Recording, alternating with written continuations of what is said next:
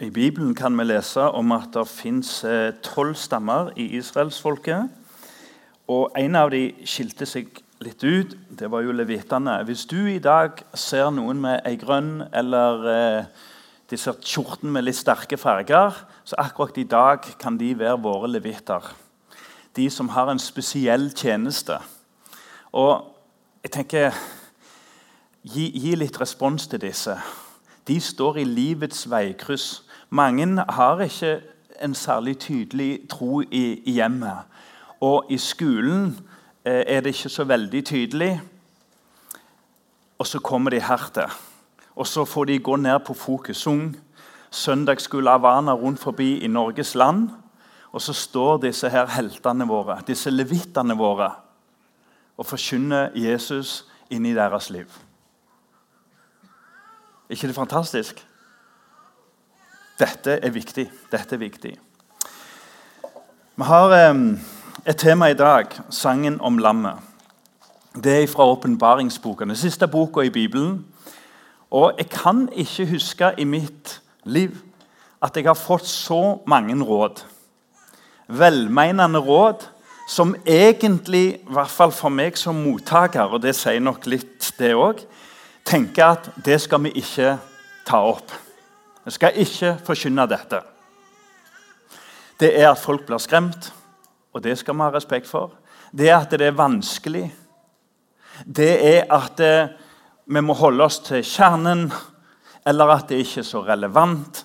Jeg har fått mange mange velmenende råd som gjør at jeg faktisk blir ganske usikker. Hva er det vi har gjort denne våren her, som snakker om dom, om fortapelse, om den nye himmel og den nye jord. Og så I dag skal vi ha noe så Det høres ut som en eller annen sånn poesikveld eller en sånn rar samling av folk som, som interesserer seg for noe sånn Altså sangen om lammet. Hva i all verdens rike er det relevant for oss? Jeg har lyst til å gi deg fire små punkter hvorfor Johannes' åpenbaring er viktig. Og Jeg måtte rett og slett hjem og lese for å styrke tanken om at det var rett å ha det. For vi må jo bevise det vi har gjort. I Johannes' åpenbaring kan du lese i vers 1 at det er rett og slett Jesu Kristi åpenbaring. Intet mindre. Så når du sier noe om Johannes' åpenbaring, så sier forfatteren at det, altså han, I'm only the piano, Don't shoot the piano player. Jeg er budbringeren. Jeg rett og slett bare sier det Jesus har sagt til meg. Så indirekte er Johannes' åpenbaring intet mindre enn Jesu ord til oss. Allerede der er ting viktig. I vers 9 så står det at Johannes sjøl tar del i lidelsene som han hører inn på land. Han sitter sjøl på Patmos og inn på land så begynner han å høre om disse forferdelige lidelsene som de første kristne er under. F.eks. at de ble avvist av sin egen familie. Det kan være én ting. Og Johannes han sier jeg tar del i de lidelsene. Så han er ikke en fjern gud, nei, en fjern person som snakker om en fjern gud, teoretisk eller åndelig. Han snakker inn i deres virkelighet. Og I tillegg Åpenbaringen er jo litt sånn som scenen her. Bak dette forhenget så er det jo noe. Her er det bare utstyr ganske kjedelig. Men i Guds rike så er det svære ting som er skjult for oss. Guds rike er skjult for menneskene etter syndefallet. Og Åpenbaring betyr egentlig, som pinsedag er, det er det at det en ikke så før, så en nå. Og det fikk et helt ny konsekvens, en ny måte å leve på. En ny frimodighet og en ny ydmykhet. 100% frimodighet, 100% ydmykhet. Et helt nytt liv. Fordi noe som var skjult, eller som de kanskje bare så vidt så igjennom, så ble det helt åpna opp, og alt ble opp, øh, synlig for dem. Og hva er det som ble åpna opp? Og Da velger vi fort å tenke jo, framtida. Åpenbaringa sier noe om framtida. Men det som, du skal ikke ha lest mange kommentarer før du ser at åpenbaringa handler egentlig mest om å avsløre samtida. Så den evner å si noe om det som ligger foran oss. Og Jesus sa òg dere skal ikke være uvitende om de siste ting og tider. Dere skal ikke gå rundt og håpe og gjette dere til og anta og spekulere. Så ja, åpenbaringen sier noe om det som kommer, men aller mest sier han noe om det som er. Og Da er det to ord som går igjen. Forførelse og forfølgelse. Jeg tror at det er likt med oss som de som levde under mye større forfølgelse. At forførelsen gjør størst innhogg. Det er jo ei dame som trekkes fram. Normalt er det jo menn som roter ting til. Men det er altså ei dame som heter Jesabel, som er kommet inn blant de kristne, og som forfører dem til ting som når det starta, ikke virka så alvorlig, men alvoret endte med at de dyrka seg sjøl og var Gud. Så åpenbaringen den sier noe om forfølgelse, men den gjør det egentlig ganske klart at forførelse, det å bli lurt, det er nesten mer alvorlig og mer normalt for troende enn konsekvensen av forfølgelse. Fordi det er merkelig, det er det at de kristnes blod, martyrenes blod, er liksom såkornet. Det, det, det, det, når det renner til jorda, la hans blod komme over oss og våre barn, så er det ikke bare Jesu Kristi blod som renner på korset. Men når martyrene dør, så vokser Guds rike. I vår verden er det motsatt. Det er om å gjøre å unngå de vanskelige tingene, unngå lidelse, og heller dras mot nytelse, som er Guds konstruksjon i seg sjøl. Men etter syndefallet så er det jo en dyrking av oss framfor Han som skapte oss. Til slutt òg. Johannes' åpenbaring er viktig fordi Hold fast det er ikke så vanskelig. Det var ei som sa i UF, ungdomsforeningen her for mange år siden Nå har jeg lest Bibelen en stund. Jeg har størst problemer med det jeg forstår. Jeg har størst problemer med det jeg forstår i Bibelen. Johannes' åpenbaring skal gi deg et par små ting. Det står jo om gater av gull. Jeg tenker at det er billedlig talt. Når du og jeg skraper sammen noen kroner hvis en forlover seg Min sønn ringte akkurat og skal ha ring. De må jo ha ring, ikke sant? Og hvor mye skal du legge i den? Gud asfalterer med gull. Ser du bildet? Ser du proporsjonene? Ser du hva himmelen er? At Gud asfalterer med gull, om han vil. Det er et bilde på en virkelighet, og det er en virkelighet som ikke evner å fatte. Derfor ble Johannes døperen òg skremt når han så inn i himmelen. Ny jord og ny himmel, eller motsatt. Eh, I teksten vår så leste vi før vi liksom begynner å se på ei bok som er viktig her. I teksten vår så leste vi at, eh, at Jesus hadde eh, sju øyne. Altså Lammet hadde sju øyne, mener jeg. Eh, og Det er egentlig et bilde for de fleste som tolker det, på Den hellige ånd og egentlig knytta direkte til pinsedag. Han som ser sju ganger det som vi klarer å fatte. Det er jo et bildespråk, et orientalsk bildespråk. Så har han sju horn. Og da detter jeg av, altså. Fort. Men det er ikke nødvendigvis mye verre om vi setter oss inn i deres kontekstuelle situasjon og prøver å forstå hva var et horn for en konge, for en hersker, for en storbonde. Så representerte det makt. Og så dette tallet sju. Altså uendelige tallet sju. Uten rekkevidde. Han som holder jorda oppe.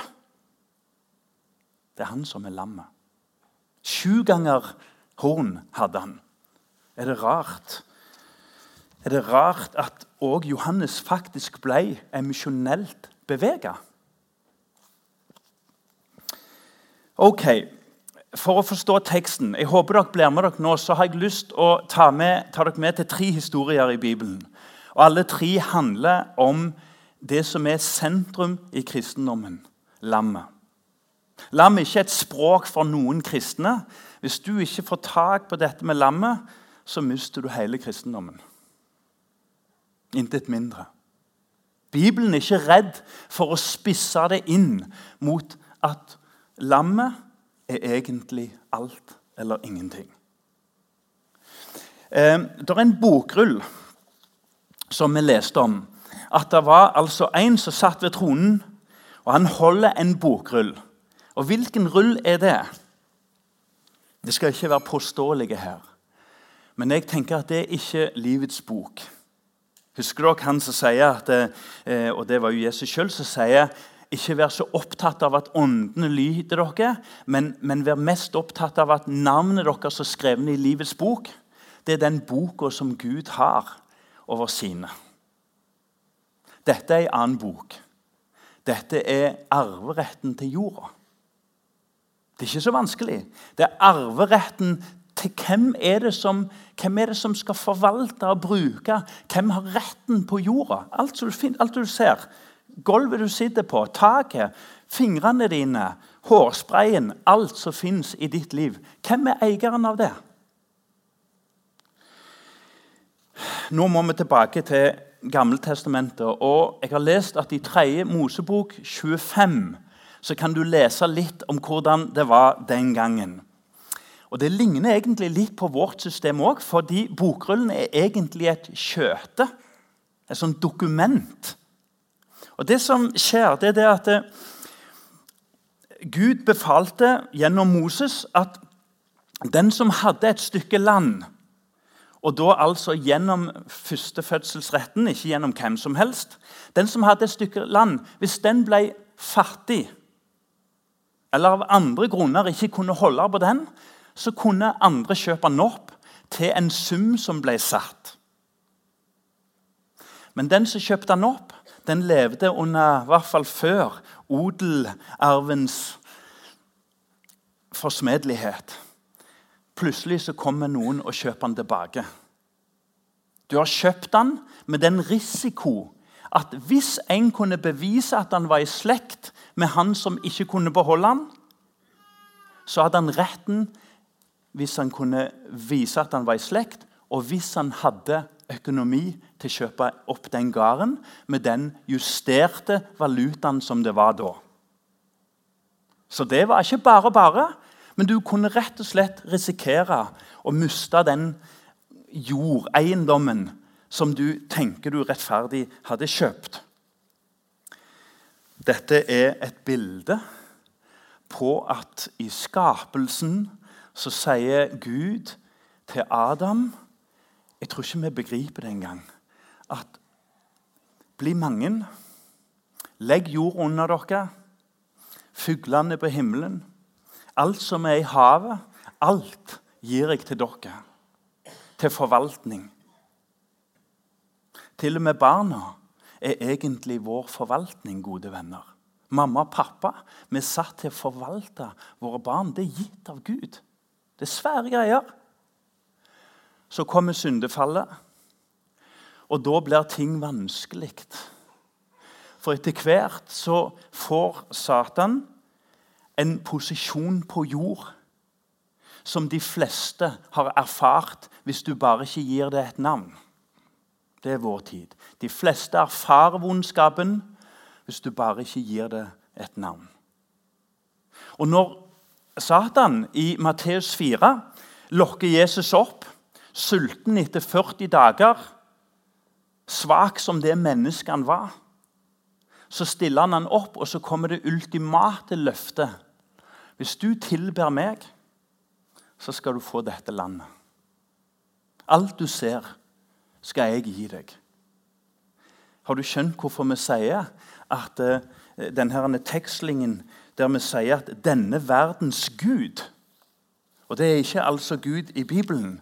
Det er jo avguden, avgudene, som sier 'tilbe meg, så skal du få alt dette'. Så begjæret som ikke bygger Guds rike, men som bygger ditt ego, er egentlig en tilbedelse av Han som vil lure oss. Han som ikke har fred i tankene. Og vi kjenner det igjen. Så er det altså et dilemma her nå. Fordi at hvem, hvem kan hjelpe her? Det står at Johannes gråter. Han er rett og slett satt ut. Derfor syns jeg òg vi skal lytte til Johannes. Han har erfart å være uten håp. Han gråt. Hvem kan hjelpe Johannes? Ikke med frelse eller framtid eller håp, men hvem kan komme med et vitnesbyrd til han? En, en, trøst til han som ikke bare var liksom å stryke medhårs, men som kunne lufte øynene. Det står om de 24 eldste. Vi skal ikke bruke så mye tid på det, for det er litt vanskelig òg. Jeg innrømmer det. Men det står at en av de 24 kom til Johannes. Og så sier han at han skal ikke være redd, for det er seier. Og det er lammet som står for seieren. Du skal ikke være redd. Og det er lammet som er slakta. Slein, slå det. Merkelige greier. Legg merke til at for å kunne hjelpe en hjelpeløs, må du være en tilbeder. Ikke som et lovisk krav, men det faktum at en blind kan ikke lede en blind. Sangen om lammet er ikke kunnskapen først og fremst om Gud. Selv om den er viktig, Bibelen verdsetter det. Sangen om lammet er ikke erfaringen av Gud, selv om Gud lar mennesker mildt sagt erfare seg opp gjennom tidene. Sangen om Gud er bøyde knær for Han som er slakta. Og det går mer og mer opp for meg at mitt vitnesbyrds kraft står og faller ved hvem som er konge i mitt liv. Jeg kan jo ikke, jeg kan jo ikke lede mennesker til Jesus hvis egentlig livet mitt er en tilbedelse av meg sjøl. Johannes fikk hjelp av en tilbeder. Hvem er verdig? Verdig er lammet. Fordi det var et lam og så måtte det være verdig. Ja, hvem er verdig? Ehm, jeg syns det er litt spennende, dette her ordet for meg som ikke kan gresk, men som, som, som heter arnion. Så er ikke lammet liksom et eller annet sånt Da er det plutselig ikke et dyr med horn og øyne og ditt og dam. Da, da, da, betyr det rett og slett et søtt, lite lam. Eh, jeg lurer på om kanskje i dag vi skulle sagt en puddel for å forstå det. Rett og slett noe så tafatt, hjelpeløst og harmløst som et søtt, lite lam. Det er altså nøkkelen i vår tekst. Husk på, I Johannes 10, vers 11 så gjør Jesus det klart at han er det lammet som òg er hyrde. Han vet hvordan det både er å være hyrde og lam. I alle andre religioner, med all respekt, er Gud en fjern, usikker Gud du aldri kan vite om. Men Jesus presenterer seg som han som både kjenner lammet, og som kjenner hyrden, og er hyrden og er lammet. Johannes 10, 11. Jeg er den gode hyrde. Og til deg som før vi går til Gammeltestamentet, til deg som tenker at for meg er Jesus, og jeg kjenner meg igjen For meg er Jesus først og fremst et godt eksempel. Jeg vil be deg å tenke litt over det. ikke det er ganske knusende? Hvis Jesus virkelig får bli et eksempel for deg, så blir han det Lise og Ludvig Karlsen er for meg. Jeg har hørt dem et par ganger, disse som starta Evangeliesenteret. Jeg går deprimert ut. For jeg tenker det er så stor avstand fra deres liv og mitt liv. Jeg går rett og slett deprimert ut. Og hvis jeg kan bli satt ut av Lise og Ludvig sitt, sitt, liv, som et liv i eneste tjeneste etter de møtte Jesus, hva er da Jesu eksempel for deg? Det må jo være knusende. Levd opp mot ditt liv. Hvis du virkelig ser hvem Jesus var, kun som eksempel og intet annet. Det var en også som sa det. At uh, vi, vi, tenker vi mennesker at uh, nei, jeg trenger ikke Bibelen. jeg vil ikke ha Ingen moraltak, ingen Bibel, ingen dom. Ingen, ingen, ikke noen av de delene. Men så var det en som sa at sett at du fikk en, en, en mikrofon rundt halsen din. En usynlig mikrofon som fulgte deg hele livet. Som kun tok opp Som kun tok opp dine forventninger til andre. Hadde du kunnet levd opp til det? Ikke jeg. Jeg trenger faktisk ikke Bibelen til å innse at eh, jeg kan ikke engang leve opp til mine egne dømmende forventninger. Jesus, lam slakta. Kan vi gå til 2. Mosebok kapittel 12? Og vi koster på oss å lese den teksten. 2. Mosebok eh, 12. Og da begynner vi egentlig, Nå, nå hadde vi lammet i, i, i, si, i nåtid og framtid, åpenbaringsboka, han som sitter ved tronen. Og til deg som er interessert, husk på at Kristi himmelfartsdag er egentlig en fullbyrdelse av ofringstjenesten, hvis du er interessert. Fordi Maria fikk ikke røre Jesus etter oppstandelsen. For han hadde ikke satt seg ved Faderens høyre hånd og blitt godkjent som offer for ypperste presten Gud. Tar du den? Han hadde ennå ikke plassert seg ved høyre hånda til Gud og blitt godkjent som offer. At han sa det er fullbrakt, det var tjenesten på jord. Men der gjensto en tjeneste ved Faderens høyre hånd. Og der sitter han nå. Konstant godkjent av Gud. Og lytter på mine og dine bønner. Første Mosebok kapittel 12. Eh, andre Mosebok kapittel 12. Første 12 det er under Abraham blir kalt. og Så går vi ett kapittel fram. Det er Herren sa til Moses og Aron i Egypt.: Denne måneden skal være nyttårsmåneden dere. Dere skal være den første måneden i året. Si til hele Israels menighet. På den tiende dagen i den tiende måneden skal hver husfar ta et lam, ett til hver husstand. Men hvis husstanden er for liten til å spise opp et lam, skal husstand, husfaren og den nærmeste naboen ta et sammen, alt etter hvor mange de er.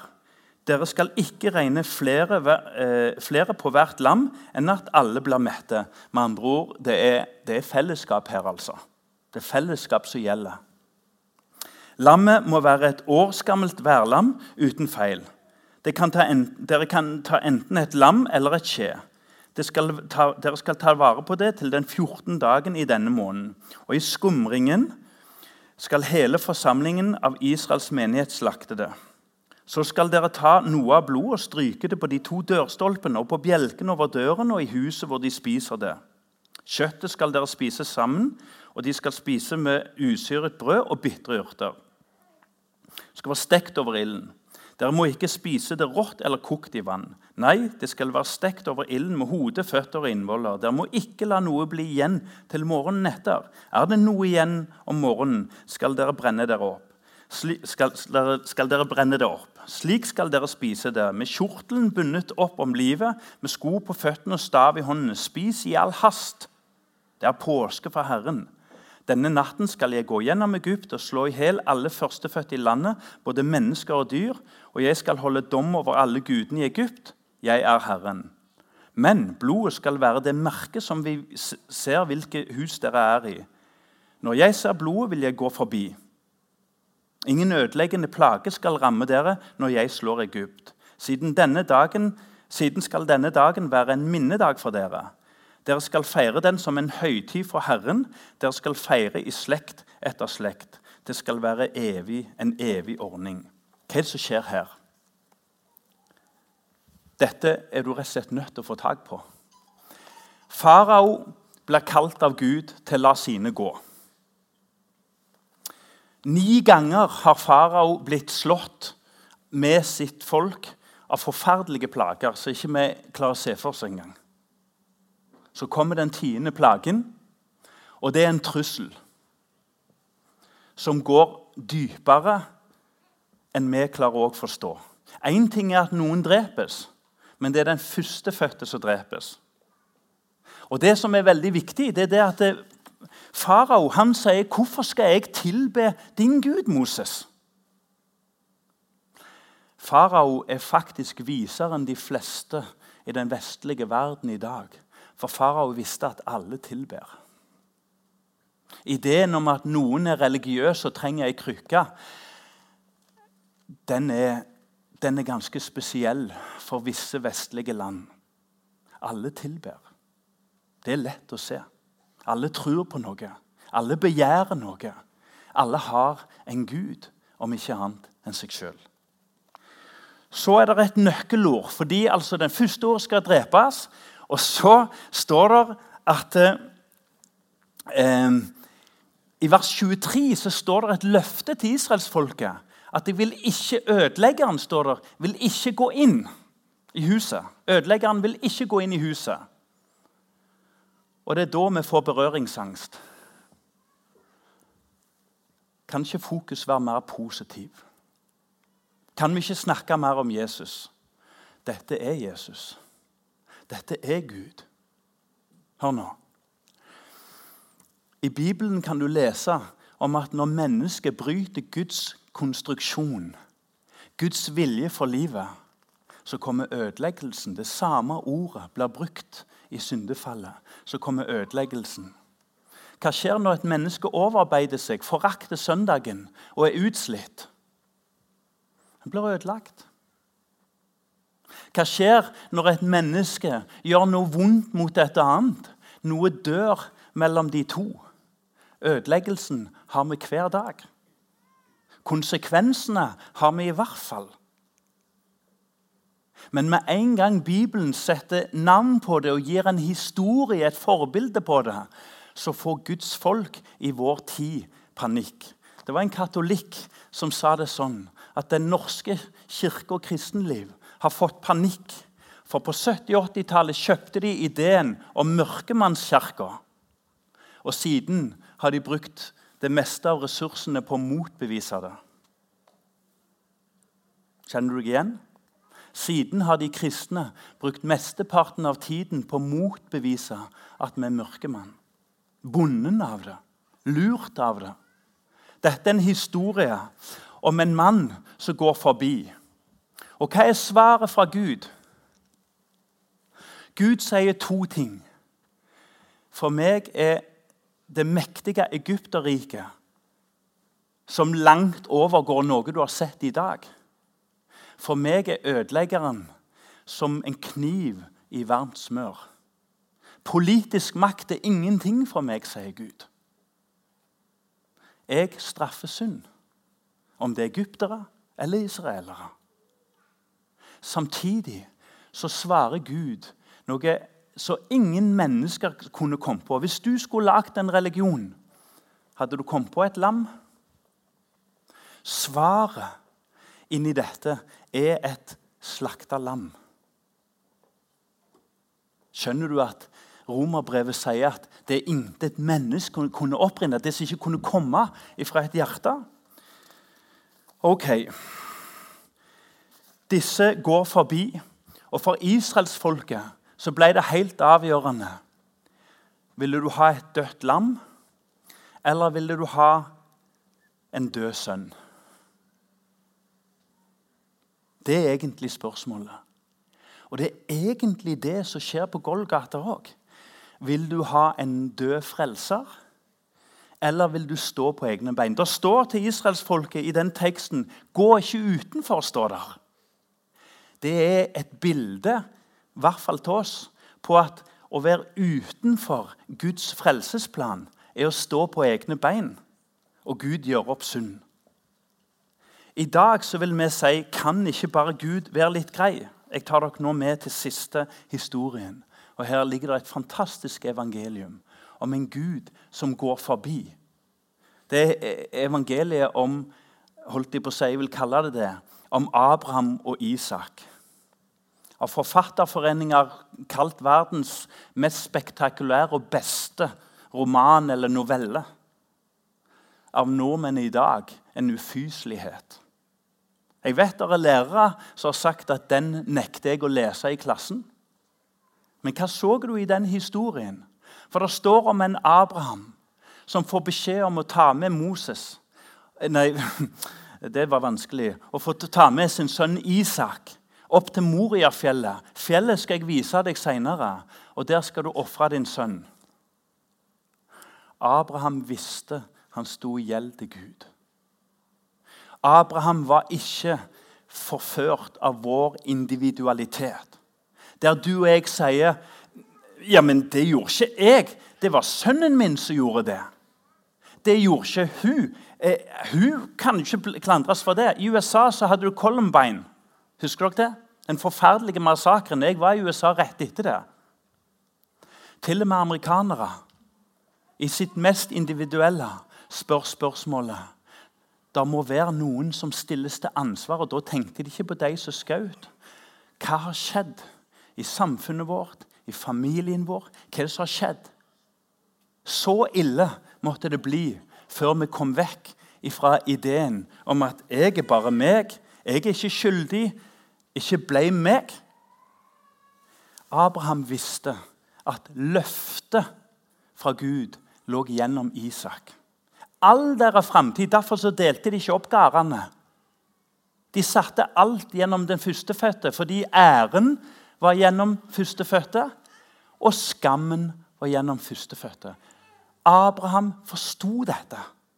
Han visste at han og hans fedre hadde stått mot Gud, og at nå kom Gud for å ta hans sønn. Så sier du, hvis du er som oss andre, så sier du ja, men hjelpe meg. For en morbid historie.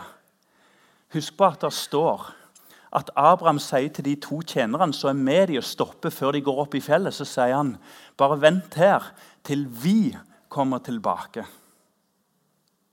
Jeg syns det er en vakker detalj. Til vi kommer tilbake. Abraham var ikke en religiøs galning som ofra barn. Det gjorde de andre rundt ham.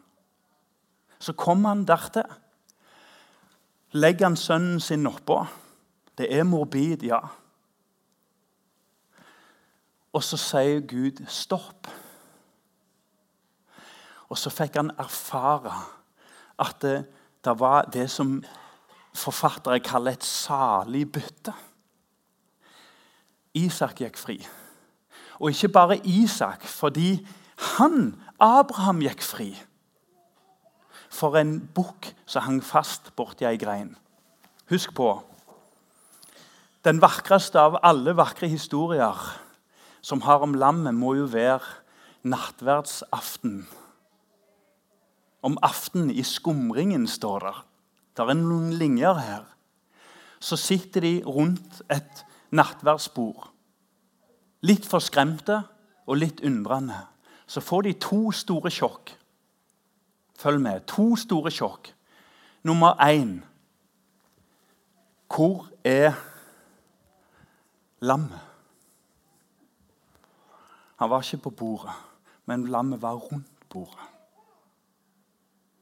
Hvis du ikke ser dette, så har du i bunn og grunn ikke sett noen ting i kristendommen. Lammet var ikke på bordet. Han satt rundt bordet. Og Så kan du få legge merke til en ting til. Brødet var ikke bare minnesbrød. På gresk jeg kan jo ikke det, husker det ikke, men til minne om som de hadde feirt. Men plutselig så var brødet Jesus sjøl.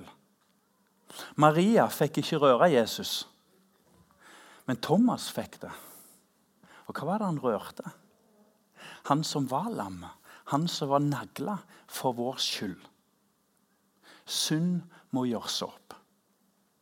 Når Abraham er på vei til alteret, så vet han to ting. Gud har gitt et løfte gjennom min sønn. Min far fikk et løfte gjennom osv., osv. Og, og særskilt fikk jeg et løfte gjennom Isak. Samtidig som han visste vår slekt er en fallen slekt. Sannhet og nåde. Og midt iblant oss så er vi i dag ikke samla fordi Aslak er der, langt mindre. Vi er heller ikke samla fordi vi har et band.